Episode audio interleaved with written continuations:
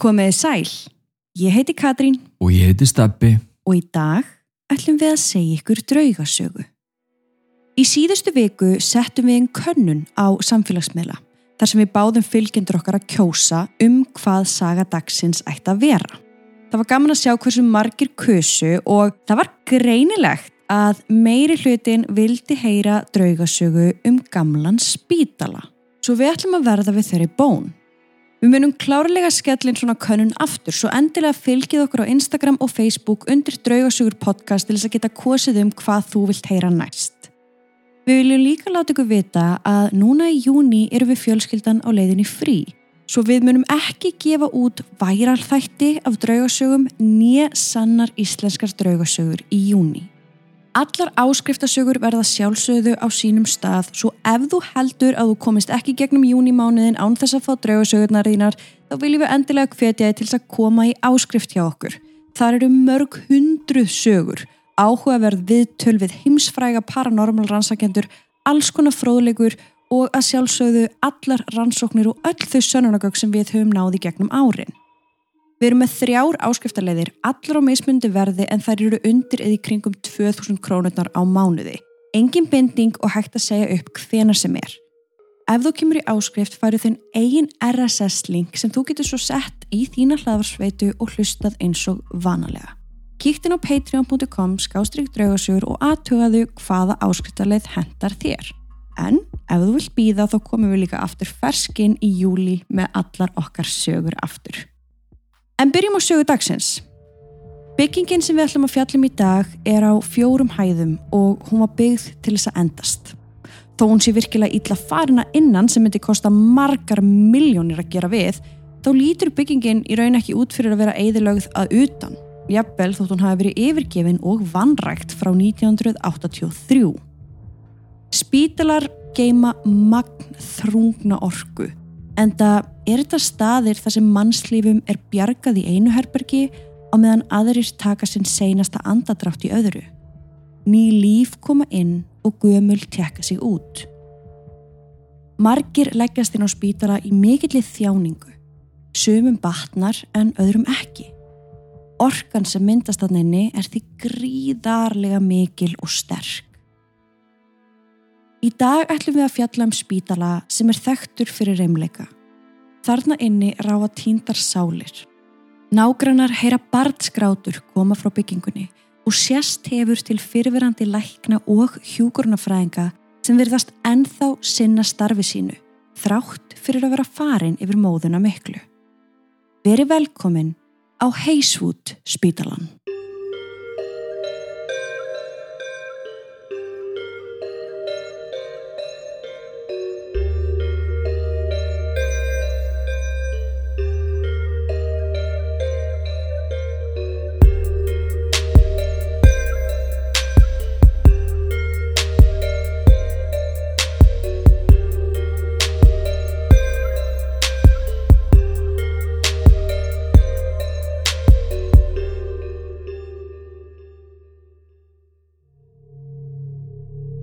Við viljum minna á að draugarsögurnar okkar eru ekki við hæfi barna yngri en 13 ára nema með leifi fullorna.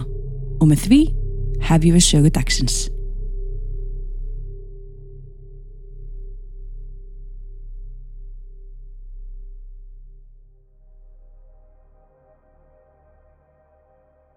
Til þess að komast að spítalanum þarf að ganga upp steiftar tröppur sem leiða þig að gungustík.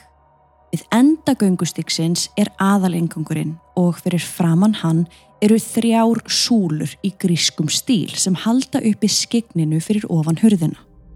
Húsið er rauðleitt, greinilega byggt með rauðum ústöynum og gluggarnir eru hvítir og setja þjætt upp við hvern annan á öllum hliðum húsins. Í dag eru margir þeirra brotnir. Þegar betur er aðgáð sést greinilega að náttúrun í kring er byrjuð að ganga að þessari yfirgefnu byggingu. Tré eru byrjuð að tegja sig átt til hennar og annar gróður er farin að vaksa á veggjunum. Á þessu landi hefur lengi vel verið starfandi einhvers konar heilbriðstjónusta. Árið 1800 stopnaði Wilson fjölskyldan og vinir þeirra litla hilsugjæslu stöð akkurat þar sem spítalinn okkar stendur nú. May Pearl Wilson rak þessa stöð alveg þangað til að hún dó árið 1908. Eftir andlát hennar var litla heilsugjæslustöðun sem var þarna orðin að litlum spítala, revin og okkar spítali var byggður.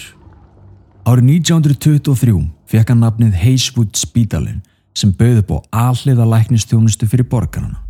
En málið er að staðsetningin var ekki nógu góð. Ó, Hún virkaði kannski fyrir læknistjónustu árið 1915 en ekki 1983.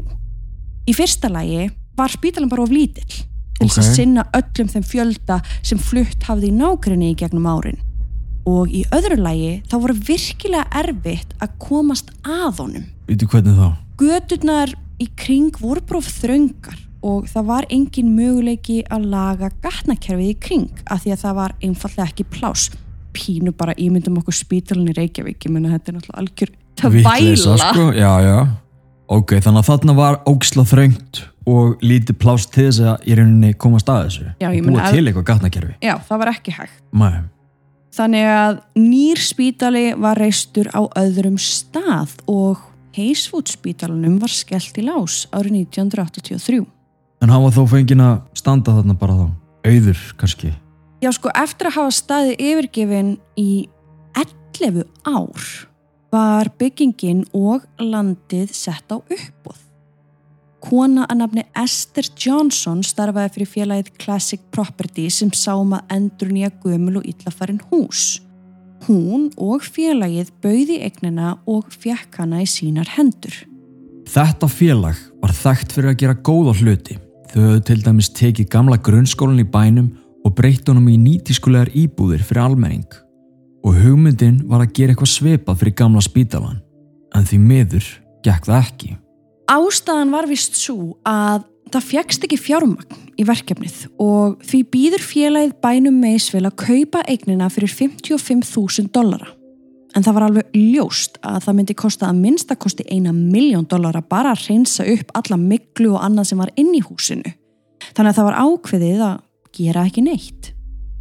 Húsið var bara látið standa. Ah, Við vitum að þjófar voru að brjótast angað inn og stálu öllum kopar sem þeir lögðu hendur á og öðrum Mm. verðmætum eða það sem þeir töldu vera verðmæti. já, var oft í svona byggingum svona kopar vírar í lögnum og öðru. Já, því var öllu Þeir- stóli. Já, það var mitt bara selt. Við erum hér engungu til þess að upplýsa fólk en ekki rífa upp gömul sár.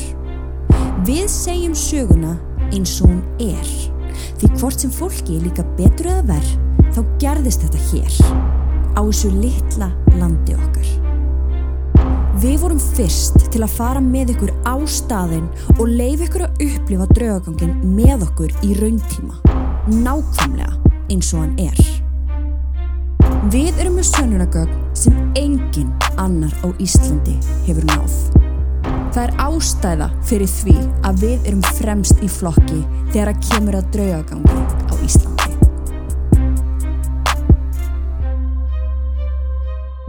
Skoðuðu áskriftarleiðirnar inn á patreon.com skástrygg draugasögur.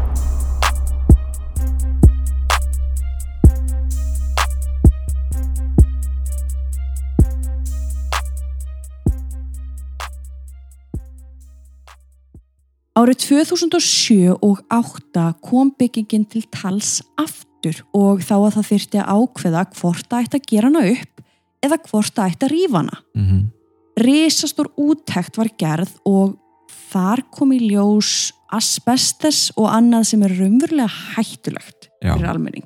Bara svartmíkla og ógeð. Já og það er alveg trikki að fara líka að rífa svoleiðis hús þannig að þeir eru alveg í vesinni sko. Ok, já. Það seinasta sem við vitum er að árið 2018 kaupir annað félag eignina sem bara er svona svipa félag og hefði fyrra Nú, en þegar þessi þáttur er gefin út árið 2022 þá situr húsið ennþá aukt. já, náttúrulega öruglega lítið að gera. Bara það er engin breyting. Það er Nei. bara ennþá eins og það hefur alltaf verið. Já. Fólk sem hefur heimsótt bygginguna í leifisleysi hefur talað um að því líði eins og einhver sé að fylgjast með þeim, bæði inn í húsinu og fyrir utan á lóðinu. Við þekkjum eflust öll þessa tilfinningu og okkur finnst ekkit skrítið að hún poppi upp hjá fólki yfir gemnum spítala. En það er alveg eðlilegt, jafnvel þó að það væri engin draugagangur að Já, þú veist, það, ég held að sé bara eðlilegt að því að þú ert að ganga um yfirgefin spítala mm að þú upplifir eitthvað þá bara upplifur þetta, þið líður Já. eins og einhver sé að fylgjast með þér, þú ert ekki einn þetta Mhm. er spooky og creepy Já, þannig að ég held að við getum alltaf búið til þessa tilfinningu þó að reymleikin sé ekki eins og til staðar. Það er alveg rétt. En svo er annað sem nágrannar verða varir við sem er pínu erfitt að útskýra. Við vitum að það eru ekki heimamenn sem sækjast í þessa draugalegu byggingu heldur utanbæjar fólk allstaðar að. Heimamenn eru vanir þessari gömlu byggingu og finnst hún ekkert spennandi og meðan aðrir keira langar vegalengdir, jafnvel fljúa engungu til þess að líta gamla spítalan augum. mm Þetta er náttúrulega bara út í að maður venst öllu í kringum sig. Já, já, þú veist, eins og maður höfða við keirum fram hjá honum örgulega mörg hver á hverjum einasta degi -hmm. en þetta er bara talað eitt af reymdistu húsunum á Íslandi Í heimi. í heimi mér Það situr á lista, sko. Já, En nágrannar hafa sem sagt talað um að sjá ljós í gluggunum. Stundum á fyrstu hæð, stundum á fjórðu. En það er greinilega ljós í einhverjum herbergjum þarna sem kviknar og slöknar. Og að sjálfsögðu þá er ekkert rammagn í byggingunni svo það ætti ekki að vera neitt ljós. Annað sem nágrannar eru að sjá eru verur eða skuggar eins og einhver sé að ganga fram hjá glugganum og hinum og þessum hæðum. Til að byrja með þá heldu nágrannar að þarna væri á ferðinni krakkar sem væri að brjótast inn á lóðina til þess að rannsaka spítalan. En núna seinustu ár þá er lóðin vandlega gyrt af og lögreglumenn vakta bygginguna alla daga. Það er nánast ómögulegt að komast þangað inn og ef einhver nær að smegja sér þangað þá er sá sami sektaður og ákjærður nokkrum mínútum setna. Við erum að tala um að þú kemst ekki þangað inn. ég heyrði á þessu sko og þeir eru mjög strángir Mm -hmm. Lörglann tekur bara hart á þessu vegna þess að alltaf á Halloween kemur fjöldin allar á bílum inn í bæinn og það er vitað að þetta fólk er engung að koma til þess að heimsækja reymda spítalan. Mhm. En út af þessari öryggiskæslu þá heldur nágrannar að skuggaverurna myndi hverfa. Augljóslega, ég menna, engin var inn í byggingunni. En þær heldur áfram að byrtast. Þá kom nokkru sinnum fyrir að nágrannar ringdu á laurugluna þegar verurnar voru margar og ljósin í herbyrgjónum voru að blikka. En þegar að staðurinn var rannsakaður þá var engan að finna og ef einhver hefði verið þannig þá hefði hann samt ekki komist út í rauninni án þess að lendi í fanginu á lauruglumanni. Þetta ítti undir þá kenningu að reynd væri á spítalunum vegna þess að það gætt enginn fundið út. Eðlilega útskýringu. Nei, En af hverju er þetta svona rosalega vel varið? út af því að það er svo miglað og út af því að þetta er svo hættilegur staður Já, að ef að venjulegur borgari fyrir eitthvað að þvælast þarna og hann slasast, þá er það bara skadabótamál. já. Já, skil. Önnur undarleg hljóð hafa heyrst frá byggingunni eins og öskur og grátur, líkt og einhver sé að kvæljast og þjást. Það er ein sín sem er sterkari en hinnar og hana hafa margir séð og heyrt í. Við vitum að á þessum spítala fætist mörg börn, en eins og gengur og gerist, þá getur það líka gerst að börn fæðist andvana og í gamla daga þá kom það líka fyrir að mæðurna dói í miðri fæðingu. Mm. Eflust gerist það ennþá í dag en það er miklu sjálfgefara. Já, Sérst hefur til konu á gamla fæðingarganginum. Þessi kona heldur á nýfættu barni en hún er grátandi. Það er eins og hún sé annarkvort að fara eitthvert til þess að sína einhverjum barnið eða eins og hún sé að reyna að komast út af spítalanum, mögulega til þess að fara heim. Mörg vittni hafa séð nákvæmlega þetta sem ég var að lýsa fyrir ykkur en það óhugulega er að það eru síðan aðrir sem lýsa þessari konu öðruvísi. nú, En þá hefur sérst til hennar standa í dýragættinni á sama gangi og ennþá heldur hún á nýfætu barni. En það er greinilega látið. Það lítur ekki út eins og barn lengur. Konan er öskrandi og grátandi eins og hún sé að syrkja það að hafa mist barni sitt. Hér erum við sem sagt með sömu konuna en tvær mismunandi aðstæður sem hún hefur sérst í. Þeir sem hafa talað um að sjá hana eru nágrannar og aðrir heimamenn og síðan þeir sem hafa laumast þarna einn síðla næturs og tökum það fram að það eru margar fleiri ástæður en draugar sem gera svona yfirgefna staði spennandi fyrir fólk. Við Jú. veitum þess að margir ljósmyndrar lauma sér þarna inn, engungu í þeim tilgangi að taka fallegar myndir en lenda sig inn í því að sjá og heyra í sorgmættri konu sem hverfur jafn hratt og hún byrtist. Og við höfum oft talað um það, en það er auðveldlegt að efast um eina og eina frásögn. En þegar sama sínin byrtist fullt af fólki sem er ekki tengt á nokkun hátt, þá er aðeins erfiðar að neyta fyrir það. Hver þessi kona er er svona erfitt að segja til um, en líklegast þá er þetta einhver sem hefur látið lífið á spítalanum og þá mögulega í fæðingu. Eða einhver sem misti barnið sitt og lifði sjálf. Þetta gæti verið vitsmunalegur andi, eða jafnvel residual eða endurtekin orka. Ef þetta er vitsmunalegur andi, þá er þetta líklega móður og barn sem bæði létist í fæðingunni.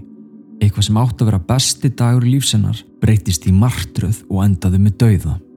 Og mögulega er hún ekki tilbúin í að sætta sig við þessi örlag. Þess vegna er hún annað ennþá. Hún á ennþá eitthvað óuppgert og neytar að halda áfram.